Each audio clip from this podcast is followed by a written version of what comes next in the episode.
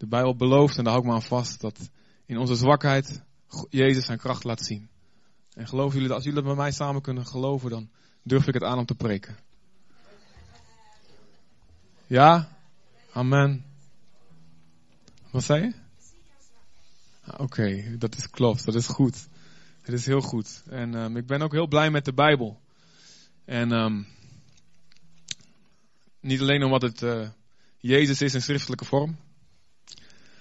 Maar omdat ook in de Bijbel uh, staat dat, uh, dat, dat ook hele onze Bijbelse helden fouten maken. En uh, dat bemoedigt mij. Dat we hoeven zeggen, als kerk hoeft niet, hoeft, hoeft niet nooit een probleem te zijn of iets wat we niet snappen. Want in de Bijbel ja, gebeurt dat ook. En God is er nog steeds. En God gaat door. En het is niet leuk. En het is, maar we hadden liefst wil dat alles perfect gaat. En, dat, um, en misschien komen dingen ook nog wel echt goed. Maar um, ik ben blij dat God in alles is.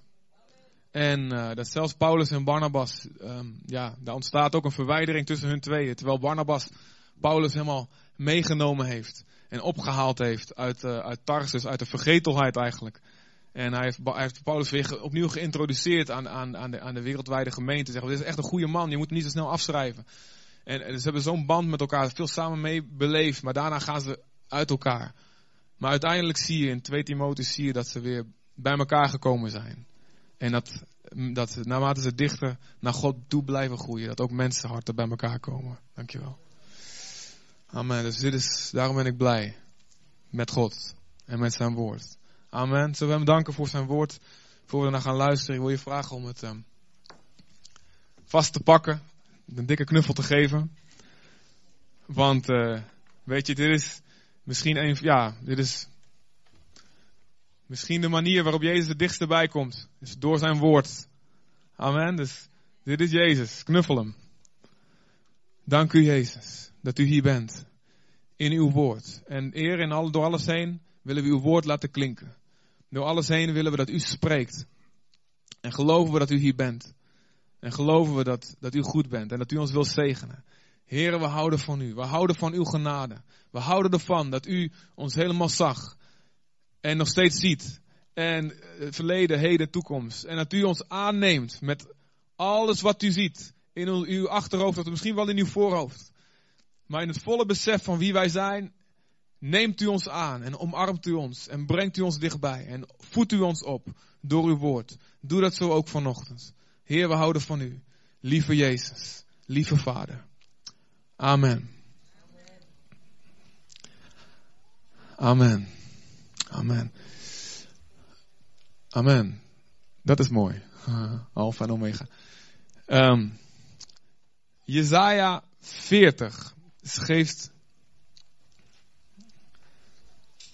En um, het is helaas weer zover dat mijn, um, mijn preek niet de weg van thuis via internet naar hier heeft gebracht. Dus ik moet daar toch iets anders op gaan verzinnen. Dus ik hou me vast aan de, het sms'je wat ik aan Anton gestuurd heb vanochtend. Uh, met de, alle bijbelteksten. Dus dat is mijn outline voor de preek. Dus laten we hopen dat dat werkt. Jezaja 40, vers 28 tot 31.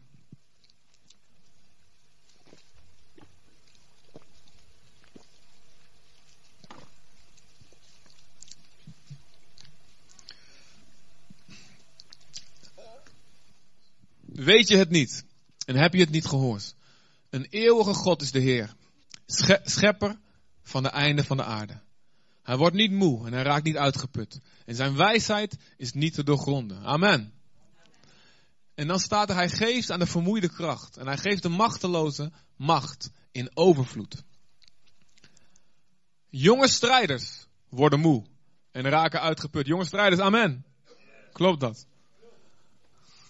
Ja, jonge strijders. Heel goed, Ger, dat je, mee, mee, dat je amen zegt. Heel goed. Maar wie hoopt op de Heer, krijgt nieuwe kracht. Hij slaat zijn vleugels uit als een adelaar. Hij loopt, maar wordt niet moe. En hij rent, maar raakt niet uitgeput. Hij loopt mank, zoals sommigen van ons.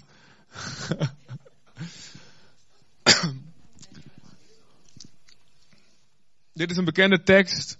Um, dit is een bekende tekst voor als je uh, al wat langer met God wandelt, als je nog niet, als je nieuw bent, dan weet je vast dat dit een bekende tekst is. dat God een God is zonder einde aan kracht. En dat hij niet zo, zo God is van, nou, ik ben lekker sterk en ik hou het lekker voor mezelf. Maar dat hij het graag uitdeelt. En er staat niet de, per se de mensen die jong zijn of laten we andere dingen daarvoor invullen, die heel slim zijn of zelf een sterke wil hebben of een sterk zelfvertrouwen hebben of opgevoed zijn met krachtige ouders die hun identiteit bevestigd hebben. Nee, al die dingen staan er niet. Er staat wie op God wachten, wie de Heer verwachten, wie op Hem zijn hoop stellen, die zullen nieuwe kracht krijgen. En dat is waar ik vanochtend over wil hebben. En ik wil een voorbeeld aan jullie laten zien van iemand die dat gedaan heeft. En uh, dat voorbeeld staat in Jozua, vers uh, hoofdstuk 14 uit mijn hoofd. Maar Anton heeft hem al op het scherm. Hoofdstuk 14, vanaf vers 6 tot 14. En het voorbeeld van iemand die wachtte op God, die God verwachtte, is Caleb. En Caleb's naam is een hele interessante naam. Mag ik even, niks zeggen, niet roepen, maar wie, even je hand omhoog. Wie weet wat Caleb betekent? Wie weet wat Caleb betekent? Oké, okay, 1, 2, Oké, jullie mogen niet meedoen met de quiz. nee, nee, nee, nee, dat slaat nergens op. Nee, er komt geen quiz. maar goed, een van jullie mensen die de handen opgestoken heeft. Wat betekent Caleb? Mag ik het 1, 2, 3? Caleb betekent? Hond hond. Ja, er staan sommige namen in de Bijbel, daar kunnen we meteen snappen waarom, waarom, waarom die naam, ja, waarom ze die naam hebben. Hè? Jezus, Yeshua betekent Yahweh is redding. Nou, en dat is duidelijk. Jezus brengt onze redding. Ja, toch? He, uh, Mozes betekent uit het water getrokken, omdat hij als baby uit de Nijl gehaald werd, maar ook omdat hij hij hielp, een instrument van God was om het volk van Israël uit Egypte, uit de slavernij te trekken. Nou, dus ook de namen zijn heel erg duidelijk. Maar dan hoor je zo'n naam van Caleb en dan, en, of Deborah, dat betekent bij. Dan denk je ook van, hè, weet je wel, Jona betekent duif. Ze hadden nog wel wat dierennamen. Lea betekent trouwens wilde koe. Dus ik hoop dat u geen familie heeft die Lea heet. En als u dat wel heeft, plaag haar alsjeblieft niet. Ik heb dat vroeger gedaan toen ik het net ontdekte in de Bijbel met iemand uh, een die een zusje had die Lea heette. En dat zusje is daarna heel erg boos op mij geworden. Heel lang. Dus zeg niet tegen Lea's dat ze wilde koe heet. Oké, eigenlijk? Caleb betekent hond. En hebben ze iets, waarom heet die man hond? Nou, we gaan even lezen wat hier over hem staat. Er kwamen enige mannen van de stam Juda bij Jozua in Gilgal. Jozua was de leider van uh, het volk op dat moment. Uh, Mozes is net doodgegaan. En Jozua is begonnen met de eerste stukken van het beloofde land in bezit te nemen. Dus er is wel een flinke oorlog aan de gang. Um, want die vijanden die geven niet mee. En um, maar God geeft ze overwinning na overwinning. En hij, hij, hij, is bezig de belofte die hij al eeuwen geleden gedaan aan Abraham te vervullen op dat moment. Om het volk hun land te geven. En ze hebben een aantal overwinningen behaald, maar er zijn nog heel veel plekken waarin, er nog, waarin, de plek, waarin het land nog helemaal niet veilig is. En dan komen deze mannen bij Jozua in het midden van, als het ware, van ja, zo'n oorlogssituatie. En één van die mannen was onze hond, Caleb een Keniziet, een zoon van Jeffunne. En hij zei tegen Jozua, u weet wat de Heer aan Mozes, de godsman in Kades Barnea, over ons beiden heeft gezegd. Ik was 40 jaar oud toen Mozes, de dienaar van de Heer, mij er vanuit Kades Barnea, dat is een plek aan de andere kant van de Jordaan, nog niet in het beloofde land, maar het, het waren de grenspost voordat ze het land binnenkwamen, zeg maar Oberhausen of, of ja, hoe heet dat, uh, zeg maar de grensplaats aan de andere kant erop uitstuurde om dit land te verkennen. En ik bracht hem naar eer en geweten verslag uit. Mijn metgezellen joegen ons volk de schrik op het lijf. Maar ik bleef volledig op de Heer mijn God vertrouwen. Nou, en er staat eigenlijk letterlijk, mijn metgezellen, onze metgezellen, deden het hart van het volk smelten, wegsmelten. Wat was er aan de hand? Ze waren met twaalf mannen, uit elke stam één, op pad gegaan om het beloofde land te gaan verspieden. Om te kijken hoe, hoe het land eruit ziet. En tien van de twaalf die komen terug met een slecht bericht. En twee van de twaalf, Jozua, die nu de leider is, en deze Caleb, komen terug met een goed bericht. En ze, ze, ze zeggen, uh, ze hebben niet per se andere dingen gezien. Ze hebben allemaal hetzelfde gezien. Ze hebben allemaal gezien dat het heel erg moeilijk is.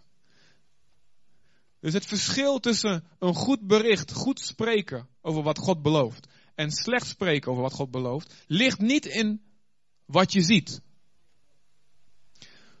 Het ligt eraan of je kiest te geloven of God bij machten is die moeilijkheden te overwinnen.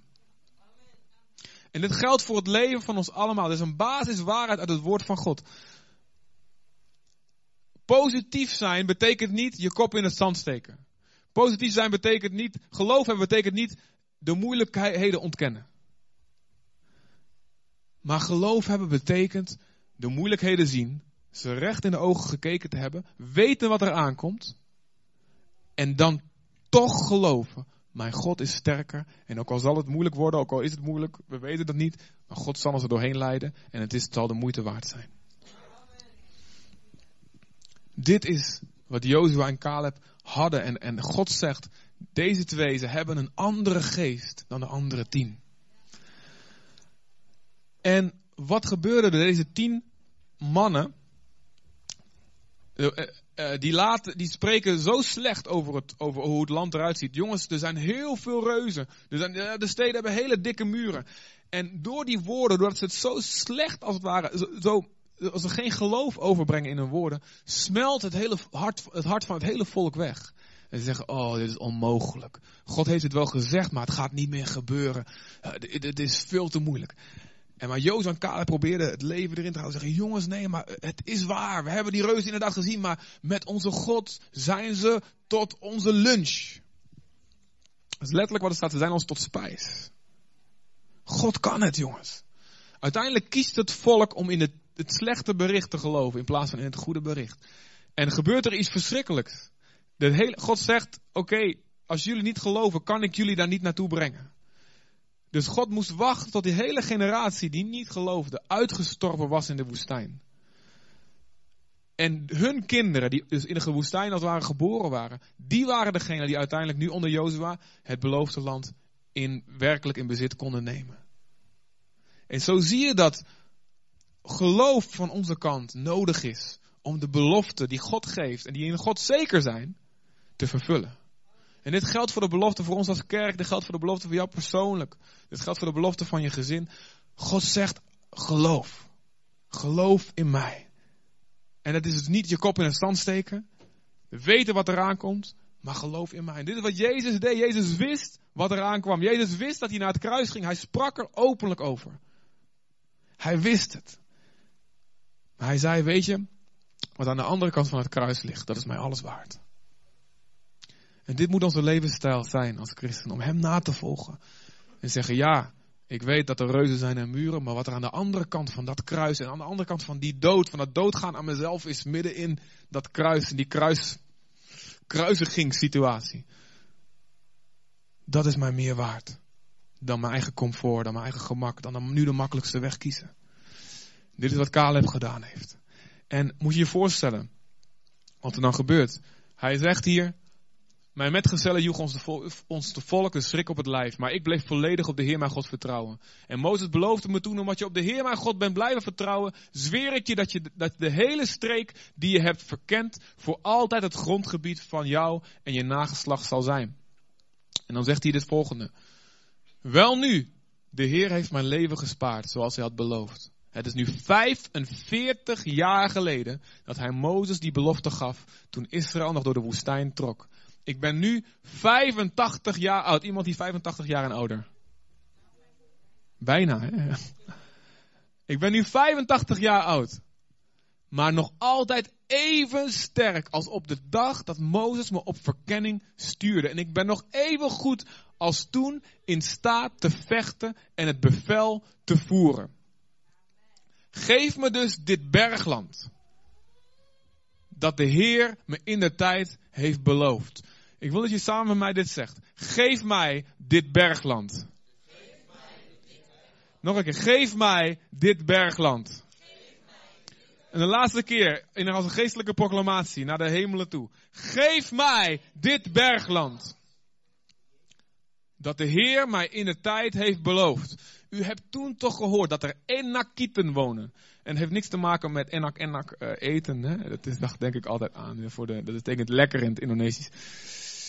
Maar het Enakieten, dat zijn, um, dat zijn reuzen. En als je denkt van ja, we zijn er nou voor sprookjes. Er zijn bewijzen van dat reuzen werkelijk geleefd hebben. En dan heb ik het moet wel, het zijn niet, niet, gaat niet over duizend meters of van die, van die Empire State Buildings die daar rondlopen. Maar um, Goliath was iemand van rond de drie meter. Um, en er waren hele rassen van reuzen. En die worden, hebben verschillende namen, krijgen ze in de Bijbel. Refaïten ook worden ze bijvoorbeeld genoemd. En hier worden ze de Enakieten genoemd. In deze streek hebben ze, elke streek hebben ze een andere naam. En, en er staat in de Bijbel, wordt ook steeds beschreven dat ze, uh, wordt ook beschreven dat ze uitsterven. Um, dus in, u hebt gehoord dat er Enakieten wonen. Dus de grootste vijand, de grootste demonen die er maar zijn. Heb jij een bergland wat God je beloofd heeft, waar misschien wel de grootste demonen wonen die je me kan voorstellen? En die intimideren zoals Goliath deed en die zeggen, je komt er niet in. Ik ben drie meter groter dan jij. En, en, en jouw, weet je wel, jouw lichaam, dat is voor mij een pink. Zo, je bent zo dik als mijn hele pink is. Heb je gestaan tegenover boze machten en je zegt, man, dit is, dit is er eentje die me in de ogen staart. Dit is er eentje waar ik echt God voor nodig heb. Dit is er eentje waar als God niet bestaat, ben ik echt Sjaak. Ben ik de pineut, de pisang. Wordt niet enak.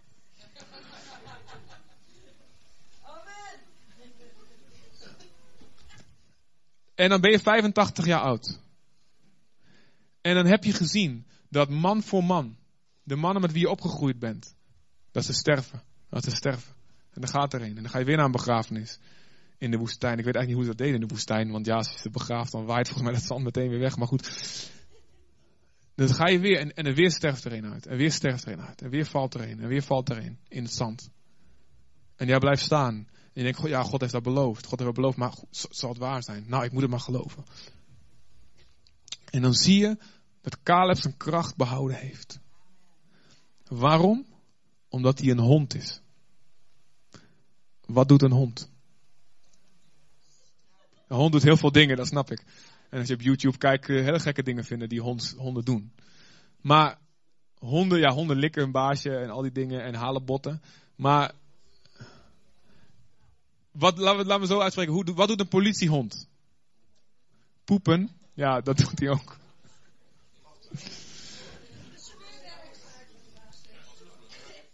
Speuren, snuffelen, ja goed. Vasthouden.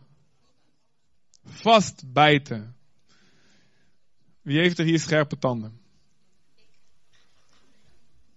We hadden zo'n hondje en dat was echt zo'n zo'n klein keffertje. Hè. Ik heb niet echt zo'n grote, zo'n grote. Het was echt zo, echt zo eentje. En um, ik denk dat hij ook uh, een beetje leefde in het land van Jozua en Caleb. Want hij, hij uh, we lieten hem uit en er kwam zo'n grote, echt zo'n grote hond bij, weet je wel. Echt zo'n Enakiet hond. En um, hij ging op ze af als een Yorkshire Terrier, gekruist met een gewone Terrier volgens mij. Er er eentje met van die, met van die schattige haren en zo. En, en, en, en er zie ik ook wel eens met van die strikjes in. Uh, een beetje bruin met grijs, zwart. Uh, ja, zo'n kleintje. Die, en zo'n keffertje. En dan kwam zo'n grote hond eraan en hij vloog hem gewoon aan. Echt zoiets van, kom maar op, weet je wel, ik lust je al.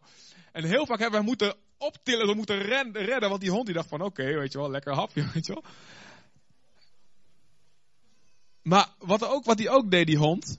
En dat is misschien ook wel de geest van Caleb die hij had, weet je wel. Kom maar op, ik durf je aan. Maar wat hij ook deed, is als je hem gewoon iets gaf, hij bleef hangen. Je kon hem echt zo door de lucht slingeren. Je kon hem echt zo... Ja, op een gegeven moment, ja, dat was zielig voor zijn tanden natuurlijk. Maar op een gegeven moment moest hij loslaten, maar... Dat is wat honden doen, toch? Wie heeft ook zo'n hond gehad, of, of nog steeds? Wie heeft zo'n hond? Oké, die bijt zich vast. Als hij vastbijt, dan kun je slaan. En, nou ja, en, en, en in de tragische gevallen moet je soms zo'n hond afmaken als hij dat doet. Dat is ook heel gevaarlijk. En ik denk in mijn, in, ja, in mijn simpele verstand dat dit de belangrijkste reden is waarom, waarom God deze man hond heeft laten noemen. Omdat hij zich vastbijt in de belofte van God. Wat er ook gebeurt. En ook al laat iedereen om hem heen los en sterft iedereen om hem heen uit, dan krijgt hij klappen, klappen na klap. Hij bijt zich vast. God heeft mij beloofd, mijn bergland. God heeft mij beloofd dat ik het zal krijgen. God heeft mij beloofd dat ik de Enakieten, dat ik de reuzen zal verslaan. Dit is Caleb. En je ziet, zijn kracht blijft hetzelfde. En hij zegt, kom maar op. Geef mij mijn bergland. Geef mij mijn verantwoordelijkheid. Geef mij mijn gebied. Waarover ik autoriteit moet gaan uitoefenen. Geef, geef het aan mij. Kom maar op. En ik kan het eigenlijk helemaal niet. Moet je kijken, ik ben eigenlijk een technisch gezien, ik ben een oude man. En in die tijd werden ze nog wel wat ouder. Maar eigenlijk was hij al, ook, ook oh ja, de leeftijd was wel aan het verminderen. Dus hij was, was, al, was ook in die tijd was hij vrij oud dan. Maar hij zegt, kom maar op. En mijn kracht is nog hetzelfde. En weet je wat we net gelezen hebben in Jesaja 40? Jonge mannen worden moe en mat. Maar wie op de Here wachten, wie een hoop stellen op de Here en het verwachten van Hem, zij zullen nieuwe kracht krijgen. Dit is wat hij gedaan heeft en het is gebeurd. En dan zie je als je verder kijkt in um, um, een hoofdstukje verder in Jozua 15, vers 14. Dan staat een klein zinnetje, daar staat, en Caleb verdreef de drie zonen van Enak Enak. Sesai, Achiman en Talmai. Dat staat er even in zo'n zinnetje. Hè? En wij lezen, als je de dagelijkse Bijbelleesrooster doet, dan, ben je daar in een halve seconde overheen. Maar Caleb, voor Caleb was het geen halve seconde. Moet je indenken.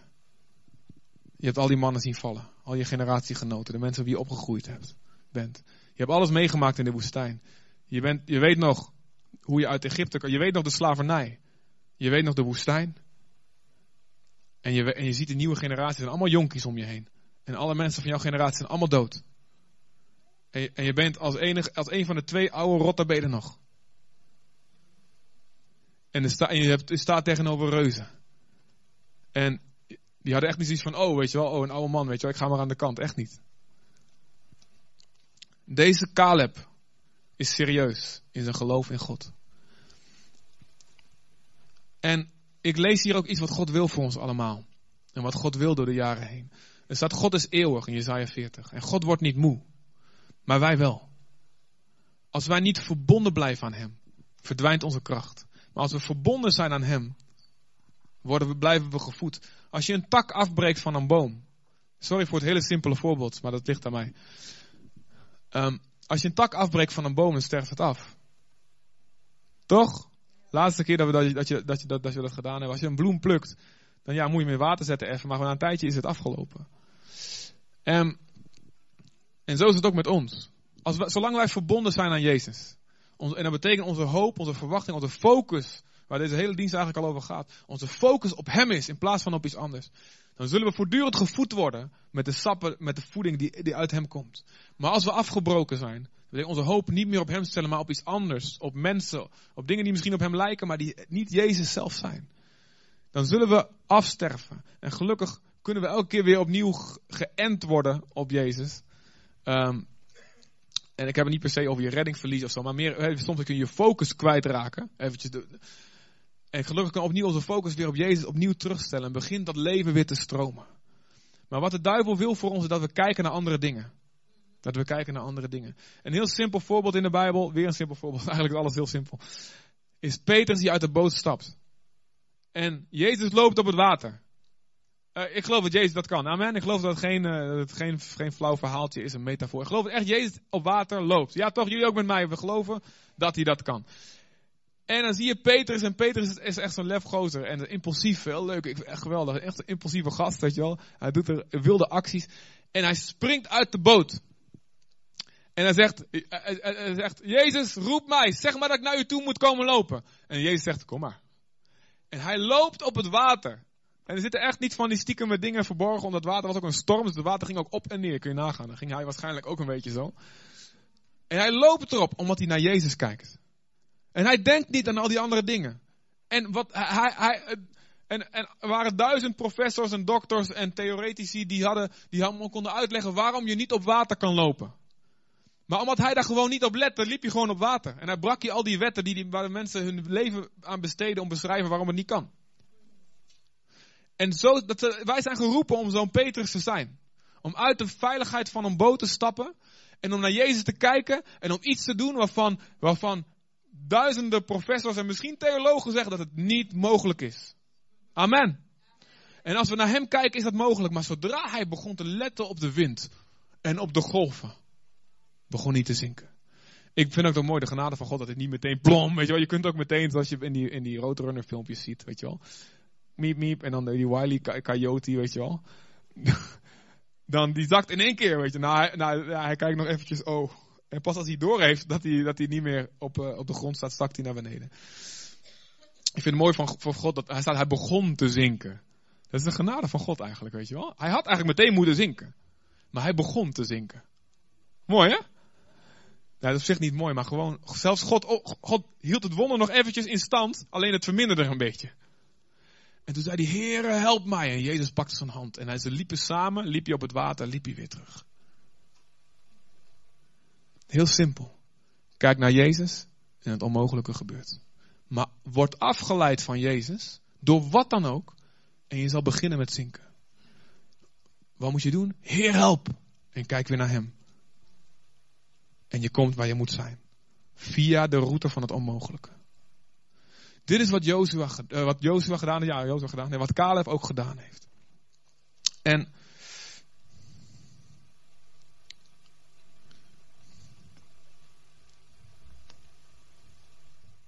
Je ziet, hij, hij neemt zijn bergland in bezit.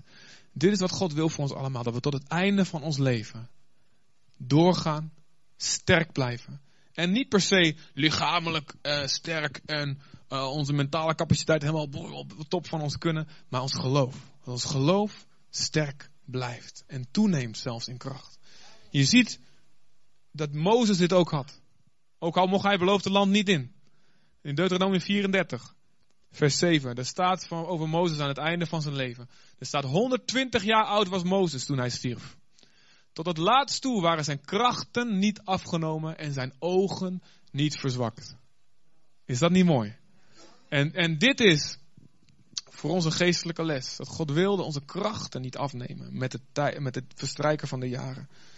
En onze ogen niet verzwakken. En onze ogen staan voor hoe wij de dingen zien. Voor onze visie, waar we naar kijken. God wil dat we zo blijven. En um, daar tegenover zie je in 1 Samuel 4 vers 15 iemand anders. Dit gaat over Eli. En Eli is iemand, hij was een priester van de Heer. Hij diende God. Alleen er staat dat hij meer ontzag had voor zijn eigen zonen dan voor God. Want zijn zonen die, uh, ja, die waren ook priesters. Maar die prikten altijd de beste vlees uh, met een grote satéprikker. Prikten ze uit, uit de offers weg. Ze, ze hadden geen respect voor de dienst van God. Alleen misbruikten het voor zichzelf. En ze sliepen met de meisjes die hielpen, die dienden in de tempel. En, en, en Eli zei er wat van. Hij zei, joh, dit mag niet, dit mag niet. Dan staat dat hij er wat van zei. Maar hij deed er uiteindelijk deed hij er niks aan. Dus het was een soort halve, slappe maatregel die hij nam. En er staat uiteindelijk dat daardoor, hij staat hier aan het einde van zijn leven als 98 jaar. Maar zijn ogen waren helemaal star geworden. En hij kon niets meer zien. En even later staat ook dat hij hij stierf uiteindelijk doordat hij achterover viel van schrik toen hij hoorde dat de ark van God gestolen was door de Filistijnen. In, buitgemaakt was in de oorlog. Viel hij achterover en staat dat hij oud was en zwaar. Nou heeft God niks tegen zware mensen. Ik bedoel, we krijgen er allemaal vroeg of laat last van. Ik ben nog aan het proclameren tegen mijn buik, dat hij, uh, tegen mijn tempel, dat hij zich niet hoeft uit te breiden. Maar geestelijk gezien kun je zien, het was een man die niet meer actief was. Het was een man die, zijn ogen waren star geworden. En God wil dat we, wat in Psalm 92 staat, dit is wat God wil voor ons. En het is een hele mooie, ja, ja, ja, ik dacht dat, ik vond het leuk dat u er bent, lieve zuster Rina. Ik weet dat dit een van uw favoriete teksten is. Het gaat over, ja, als je um, één vers ervoor nog kan nemen, Anton. Het staat over de rechtvaardige zal bloeien als een palmboom. Nou, ik kan het ook wel noemen hoor. De rechtvaardige zal bloeien als een palmboom. Wie is er rechtvaardig met mij? Je mag vrijmoedig je hand opsteken als je gelooft in Jezus. Weet je waarom? Dit is heel belangrijk. Als je gelooft in Jezus, dan maakt het niet uit wat je uitgevreten hebt in je leven voordat je Hem kende. Maar er staat, door het geloof ontvang je Zijn rechtvaardigheid. En die rechtvaardigheid wordt overgedragen van Hem op jou. En jouw slechte daden worden hem aangerekend aan het kruis. Dat is al gebeurd. En zijn goede daden worden jou aangerekend. En er staat heel duidelijk de Bijbel, we hebben de rechtvaardigheid van God gekregen als een cadeau. Dus wie is er met mij rechtvaardig? Kom op jongens. Er staat de rechtvaardigen, zij die in hem blijven, dus die verbonden blijven aan die boom. Die zullen bloeien als een palmboom. Dus, wie is rechtvaardig nogmaals? Wie gaat er bloeien als een palmboom? En die gaat snel. Ik heb er gisteren nog één gezien. In de achtertuin van iemand. Ik dacht, hoe kan dat nou in Nederland? En die zegt, ik kom tegen min 20 graden, die palmboom. En die groeide zelfs in Nederland. Ik dacht, oh heer, ik wil ook zo'n palmboom. Ja, hij is niet genoeg geloof, Anna. Nee, goed, ik ga voor jou bidden. Nee hoor. Het was een ongelovige zelfs we op bezoek waren. Kun je nagaan. Het was een speciale soort was dit, die daar tegen scheen te kunnen. Maar de rechtvaardige zal bloeien als een palmboom. Dus wij zullen bloeien als een palmboom. Amen. En een van de dingen die een rechtvaardige doet, is hij wordt geplant in het huis van de Heer. Dus dat betekent geplant in het huis van de Heer. Nou, wat we net zeiden, de eerste tempel is Jezus. Maar Jezus is ook zijn lichaam. Dus wat een rechtvaardige doet, wat het hart van een rechtvaardige wil doen, en hij wil zich verenigen met andere broers en zussen die ook geloven, en samen de kerk vormen. En daarin geplant worden, geworteld worden. Dus is niet zo'n zo'n pot, zo'n losse pot, weet je wel, die je kan verplaatsen, die zo ergens anders naartoe kan gaan, maar die geplant wordt in de grond en die bij stormen blijft staan. Dat is wat een rechtvaardige doet. Geplant in de kerk. Amen. En in de voorhoofden van onze God groeien zij op. En er staat hier, zij dragen nog vrucht als ze oud zijn. En ze blijven krachtig en fris. Fris en groen. Alle oude strijders bij mij zeggen halleluja.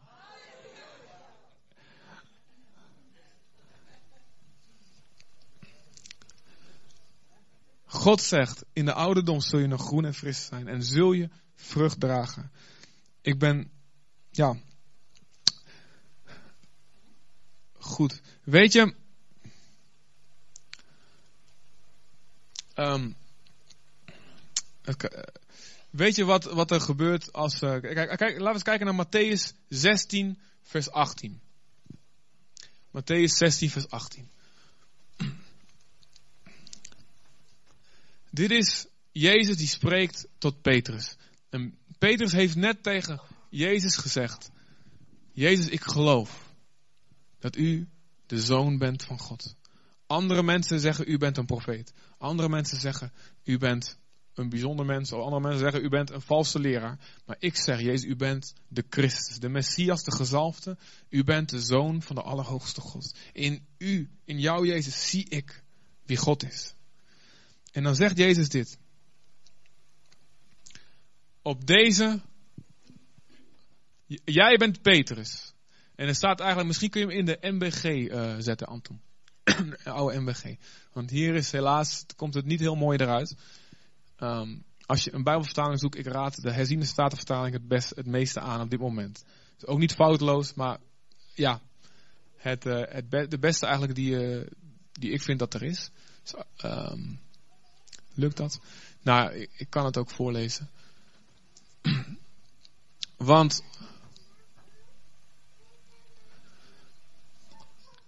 wat heb je nodig om krachtig en fris te blijven tot aan het einde van je leven? Wat heb je nodig? Amen. En waar bestaat die voeding uit? Wat zit er in die voeding? Amen. Amen. Dat is onze krachtige, groene en frisse zuster hier vooraan. Zegt het woord van God, zijn belofte.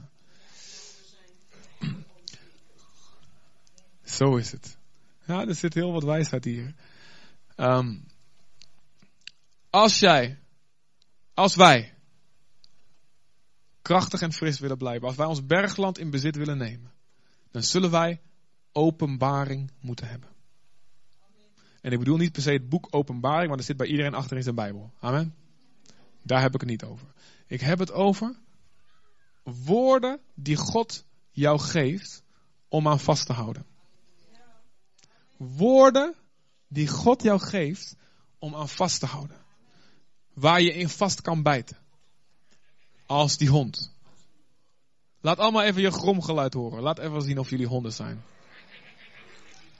Er zit een hele enge daar links. maar dat is goed. Je hebt woorden van God nodig voor je leven, voor je gezin. Voor watgene waar God voor God je geroepen heeft. Je hebt woorden van God nodig om je hart te bewaren. Om je hart zuiver te bewaren. Je hebt woorden van God nodig. Daar bouwt Jezus op. Hier, Jezus, Petrus heeft net een beleidenis gedaan. En hij heeft gezegd, ik, ik geloof dat u Jezus bent. Ik geloof dat u de, sorry, ik geloof dat u de Christus bent, de gezalfde, de Zoon van God. En dan zegt Jezus dit. Ik zeg je dat jij Petrus bent. En Petrus betekent een rots.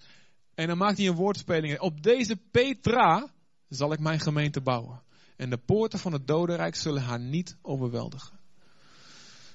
Nou, Petrus is een rots. En een Petra Een Petra is een kleinere steen. En Jezus heeft het hierover. En hij zegt, hij heeft, eh, heel veel, de, de katholieke kerk heeft het uitgelegd. Jongens, Petrus is uh, waarop God zijn gemeente bouwt. Uh, en Petrus, uh, dat was volgens die traditie, de katholieke traditie, de eerste paus van Rome. Dus de paus, daar bouwt God de kerk op. Nou, dat is een vrij wankelige uitleg van deze tekst, als ik heel eerlijk mag zijn. Um, dus ik geloof dat ook niet. Um, er zijn verschillende andere uitleggen, maar één daarvan is. Deze Petra, dus de rots, die kleine rots waar God over spreekt, waar Jezus zijn gemeente opbouwt, waar Jezus zijn huis opbouwt, is de openbaring die Petrus heeft gekregen van wie Jezus is. En de beleidenis daarvan. Dus ik heb niet zo'n stukje informatie wat ik op kan dreunen, maar ik heb diep in mijn binnenste deze waarheid heb, is een deel van mij geworden. Jezus, u bent de zoon van God. En als je dat hebt in je leven, bouwt God, bouwt Jezus zelf daarop verder. En als je die beleidnis uit deze kerk weghaalt, dan is, het, dan is er niks meer over. Dat is misschien nog een leuke club van mensen. Maar de beleidenis van dit Jezus de Zoon van God is, is de basis van de kerk. Maar zo ook als je dit breder trekt. Wat God jou openbaart, wat God jou laat zien, dat is hetgene waar Hij op kan verder bouwen. Dus de vraag is, heb je openbaring over je eigen leven, over wie je bent? Heeft God jou geopenbaard wat, wat zijn plan is met je leven? Je hoeft niet alles in details te weten, maar een richting. Heeft God jou een woord gegeven voor je leven, voor je gezin, voor je huwelijk, waar je op kan staan en waar God op kan bouwen, ook als stormen komen? in je huwelijk, of in je gezinsleven, in je opvoeding, wat dan ook, waarin je kan blijven staan. Heb je een woord van God? Wat is de openbaring die je hebt over de kerk, over je plek in deze kerk? Heb je een woord van God? God wil je dit geven en God zegt, daarop kan ik bouwen. En hoe krijg je dit? Door het woord te lezen, zelf te lezen, door naar preken te luisteren, hier naar de kerk te gaan, door, door te praten met mensen, door profetieën van, gewoon, gewoon die de Heilige Geest spreekt door mensen heen over je leven. Openbaring of door een, gewoon een gedachte die in één keer van de Heilige Geest uit je binnenste inkomt. En heel veel dingen die ik ook doe in mijn leven, die eigenlijk is alles gebouwd op een woord van God, op een openbaring. Ik, als ik bid voor mijn kinderen, dan hou ik me altijd vast aan dezelfde tekst, Psalm 144. Uw zonen zullen zijn als planten hoog opgegroeid in hun jeugd. Dus dat is ook hele mooie, ja. Amen. Dus zo heeft iedereen soms een persoonlijke set van teksten en van openbaringen. Waar jij op bouwt. Dat is, zo'n deel van mij geworden. Dat is zo, zo diep van binnen. Wat ook gebeurt, dat, gaat niet, dat trekt, trekt niemand meer uit de grond. En daar bouwt Jezus op. Wat, welke belofte God je geeft. En zo ook, zo bouwen we deze gemeente. Een belofte die God geeft. Deze stad is, is uh, toen wij hier kwamen, Vanuit Deventer hoorden we van alle gelovigen, je kan hier, als je een gemeente, een gemeente vol van de Heilige Geest, kan hier niet lang blijven staan. Het is begonnen, gestopt, begonnen, gestopt. Er is van alles aan de hand. Het is een duistere stad, een zware stad. En er wonen allemaal satanisten en, en mensen die allemaal rare dingen geloven. En, en het is heel moeilijk. En wat we, en wat we hebben, wat hebben gedaan met z'n allen is, we hebben gezegd, ja, klopt, weet je wel. We hebben onze kop niet in de, in het zand gestoken. Er zijn reuzen, er zijn muren, maar met God kunnen wij alles. Spreuken 21 vers 22 hebben we in de gemeente gezaaid. De wijze beklimt een stad van helden. En werd de sterkte waarop ze vertrouwen te neer. Ook al wonen de helden, ook al wonen de reuzen in die stad. Door te doen, te blijven doen, gewoon stug te blijven doen wat God zegt. Zullen we die bolwerken van de vijand neerhalen. Amen. Dat zijn woorden, openbaringen. Waar Jezus de gemeente op kan bouwen. En dat zal gebeuren en dat zal doorgaan. En zo ook voor jouw leven. Hou je vast aan wat God je belooft. Hou je vast aan wat God je belooft. Kijk, in 2 Samuel 23, vers 11 en 12. Er staat een voorbeeld van een van de helden van David. En hij heet Sama, niet Samai. Uh, Sama. Bijna Samai. De zoon van New Age lijkt het bijna. Nee, Age, Age. Uit Harar. Allemaal hele mooie namen. En hij was een van de helden van David. Een van de generaals van David. En er staat hier, de Filistijnen hadden op een keer hun troepen samengetrokken bij Lechi. Waar een akker met linzen was. Dus er was daar een, een plek, een vruchtbaar gebied. Waar mensen van konden eten. Het leger van Israël was op de vlucht geslagen. Let op, dit lijkt op een situatie waar Caleb in zat. Iedereen was al, viel weg om hem heen. Iedereen had een ander bericht, een ander verslag van het land wat God gegeven had. Maar er staat, maar Samma stelde zich op de akker op. Je moet het voor je zien gewoon. Weet je, gewoon zo'n, stel je voor Mel Gibson, weet je wel, met al die, die en die strepen hier op zijn ogen, helemaal, oh. En dit hele lege vlucht en hij staat daar. En iedereen redt de andere kant op en hij zegt, kom maar op, kom maar op, wow. En ik wil dat je jezelf zo voor, voor, je, voor gaat stellen. Dat zijn wij. Dat zijn wij. Amen. Kunnen wij dat zijn? Kan jij dat zijn? Maar misschien denk je, ik heb slappe knieën, ik ben laf van hart. Wij kunnen dit allemaal zijn. God zet dit soort dingen niet in de Bijbel om te kijken, nou leuk hè, leuk wat er toen gebeurde. Hè? Nou, veel plezier. Tot ziens. Weet je wel? Hij, hij zet het in de Bijbel en zegt, dit is een, een hart wat ik mooi vind. Dit kan jij ook samen met mij. Ja toch? En hij wist die akker te behouden. Hij versloeg de Filistijnen. En de Heere schonk Israël een grote overwinning. Dus ik stel me dat zo voor dat hij bleef staan. En de anderen renden allemaal die kant op. En hij zegt, kom erop. En hij versloeg er een paar. Bam, bam. Hij kon het ook niet alleen. Dus de rest zag dat. Hé, hey, moet je kijken. Wij rennen weg. En hij heeft moed. Weet je wat, we gaan terug. Kom op, we gaan het samen doen. En hij, door zijn moed inspireerde hij weer moed bij anderen. Angst is besmettelijk, maar geloof is ook besmettelijk. Wat verspreid jij? Wat verspreiden je woorden? Bouw je op datgene wat God je geopenbaard heeft? Wat voor verslag breng je uit over het land? Wat zeg je over de Enakieten? Zijn ze veel te zwaar of zijn ze te verslaan met God? En als je blijft staan, een land, een vruchtbaar land, waar vele mensen van kunnen eten, vol met linzen, mm, lekker of niet, linzensoep. Best lekker, heel gezond, heel veel voedingsstoffen zitten erin. Een veld waar anderen van kunnen eten en in leven van kunnen blijven, zal behouden blijven, zal gewonnen worden. Maar als wij niet blijven staan, gaat er een stuk weer verloren. Blijf je staan of ren je weg. Bijt je je vast aan de belofte van God. Zijn we een hond als Caleb? God zegt, ik zie het allemaal in jullie. Er is niemand hier die voorbestemd is om geen Caleb te zijn. Je kan zeggen, Heer is goed. Ik ben bang. Ik klapper met mijn tanden. Ik knik met mijn knieën. Maar ik ga, als u het zegt, dan ga ik ervoor. vraag God om openbaring. Om een, op een rots waarop hij verder kan bouwen in je leven. Vraag hem, God geef me. Als je geen woord hebt, God wil het je graag geven. Echt waar. Zoek zijn woord op.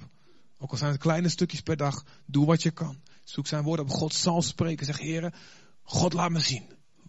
Als je een probleem hebt met je financiën, zeg, heer, wat is uw belofte? Als je een probleem met je kinderen, ze willen maar niet luisteren. Of met je hond die maar niet wil luisteren. Of je goudvis, of wat dan ook. Heer, geef me een woord. Als je niet weet welke kant je leven op moet. Geef me een woord, Heer. God antwoord deze, deze, deze gebeden zo graag.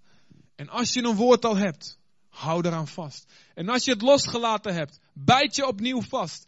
Als je je hebt laten ontmoedigen, kijk naar Jezus opnieuw. Als je bent gaan zinken in het water, kijk opnieuw naar Jezus. Want, Hebreeën 12 vers 2, de laatste tekst. Laten we daarbij de blik gericht houden op Jezus. De grondlegger en voltooier van ons geloof. Denkend aan de vreugde die voor hem in het verschiet lag, liet hij zich niet afschrikken. Wij laten ons niet afschrikken, amen. Door de schaamte en door de schande van het kruis. Hij hield stand en nam plaats aan de rechterzijde van de troon van God. Laat tot u doordringen hoe hij stand hield. Laat tot u doordringen hoe Jezus stand hield. Tegenover de grootste demonen die er bestaan. Tegenover de grootste reuzen en energie. Laat het tot je doordringen. Waarom? Toen, toen, eh, hoe hij stand hield toen de zondaars zich zo tegen hem verzetten. Waarom? Opdat u niet de moed verliest en het opgeeft. En in de MBG-vertaling staat opdat je niet door je, de matheid van je ziel verslapt. En dan zijn we terug bij het begin. Jongelingen worden moe en mat. Maar wie hoopt op de Heer, hij zal rennen, hij zal lopen, maar hij zal niet moe en mat worden. Als je kijkt naar Jezus en naar wat hij gedaan heeft, hoe hij heeft volhard uit liefde, krijg je kracht om hetzelfde te doen. Om jouw stuk met linzen, jouw grond met linzen te houden. Om jouw bergland in bezit te nemen. Om jouw enakieten te verslaan. Tot zegen van God, tot eer van zijn naam en tot redding van vele andere mensen. Amen. Zullen we gaan staan met elkaar? Als jullie mooie psalmisten kunnen komen. Vader, we zijn gebroken mensen. God, u weet het, Heer. God, we maken fouten. We zijn bang, Heer. We zijn, we zijn dom. We zijn soms ziek, zwak en misselijk. We weten, geestelijk, we weten gewoon niet wat we moeten doen. Maar in u zijn we krachtig, Vader. U zegt, u geeft de zwakke kracht, Vader. U zegt dat u door ons onvolmaakte mensen volmaakt werk doet, Vader. Dank u zo, Vader. Dank u, Heer, dat u geen perfectie vraagt. Dat u geen vrijheid van conflicten vraagt om te slagen. Heer, dat u geen mensen vraagt die altijd het antwoord al weten uit zichzelf. Dat u, dat u niet vraagt mensen die nooit eventjes zich, gewoon, gewoon emotioneel worden of laten afschrikken of wat dan. U vraagt geen mensen die nooit vallen. Maar u vraagt mensen die weer opstaan. U vraagt nooit, geen mensen die niet nooit zinken, maar u vraagt mensen die weer opnieuw naar Jezus kijken. God, wij willen bouwen op de openbaringen die u geeft. We bidden u in Jezus' naam. Vul ons met geloof. Geef ons uw woord. Laat ons zijn als een hond. Nooit loslaten. En geef ons ons bergland, opdat onze kracht nooit vermindert, onze ogen nooit star zullen worden, maar, maar, maar scherp zullen blijven zien tot het einde. Dat onze ogen, laat onze ogen nooit, onze zicht op dingen, ons perspectief nooit vertroebeld worden, heren. Heer, door bitterheid of door angst, heren. Vader, of door, door veroordeling, of door valse nederigheid, of door wat dan ook, vader, of de jaloezie. Laat ons nooit, vader, verblind worden. En de dingen verkeerd zien. Maar geef ons kracht om we verbonden blijven met u verbonden blijven met u. Want u, Jezus, u hield stand. U hield stand. U bent de hoeksteen. U bent de hoeksteen waar we op bouwen, Heer. Het fundament van ons gebouw. Heer, en u maakt het zwakke sterk. U alleen, Vader. U alleen, Jezus. Op u bouwen wij. Op u bouwen wij. Op u bouwen wij. Bouw in ons leven, Heer. Christ alone. Corner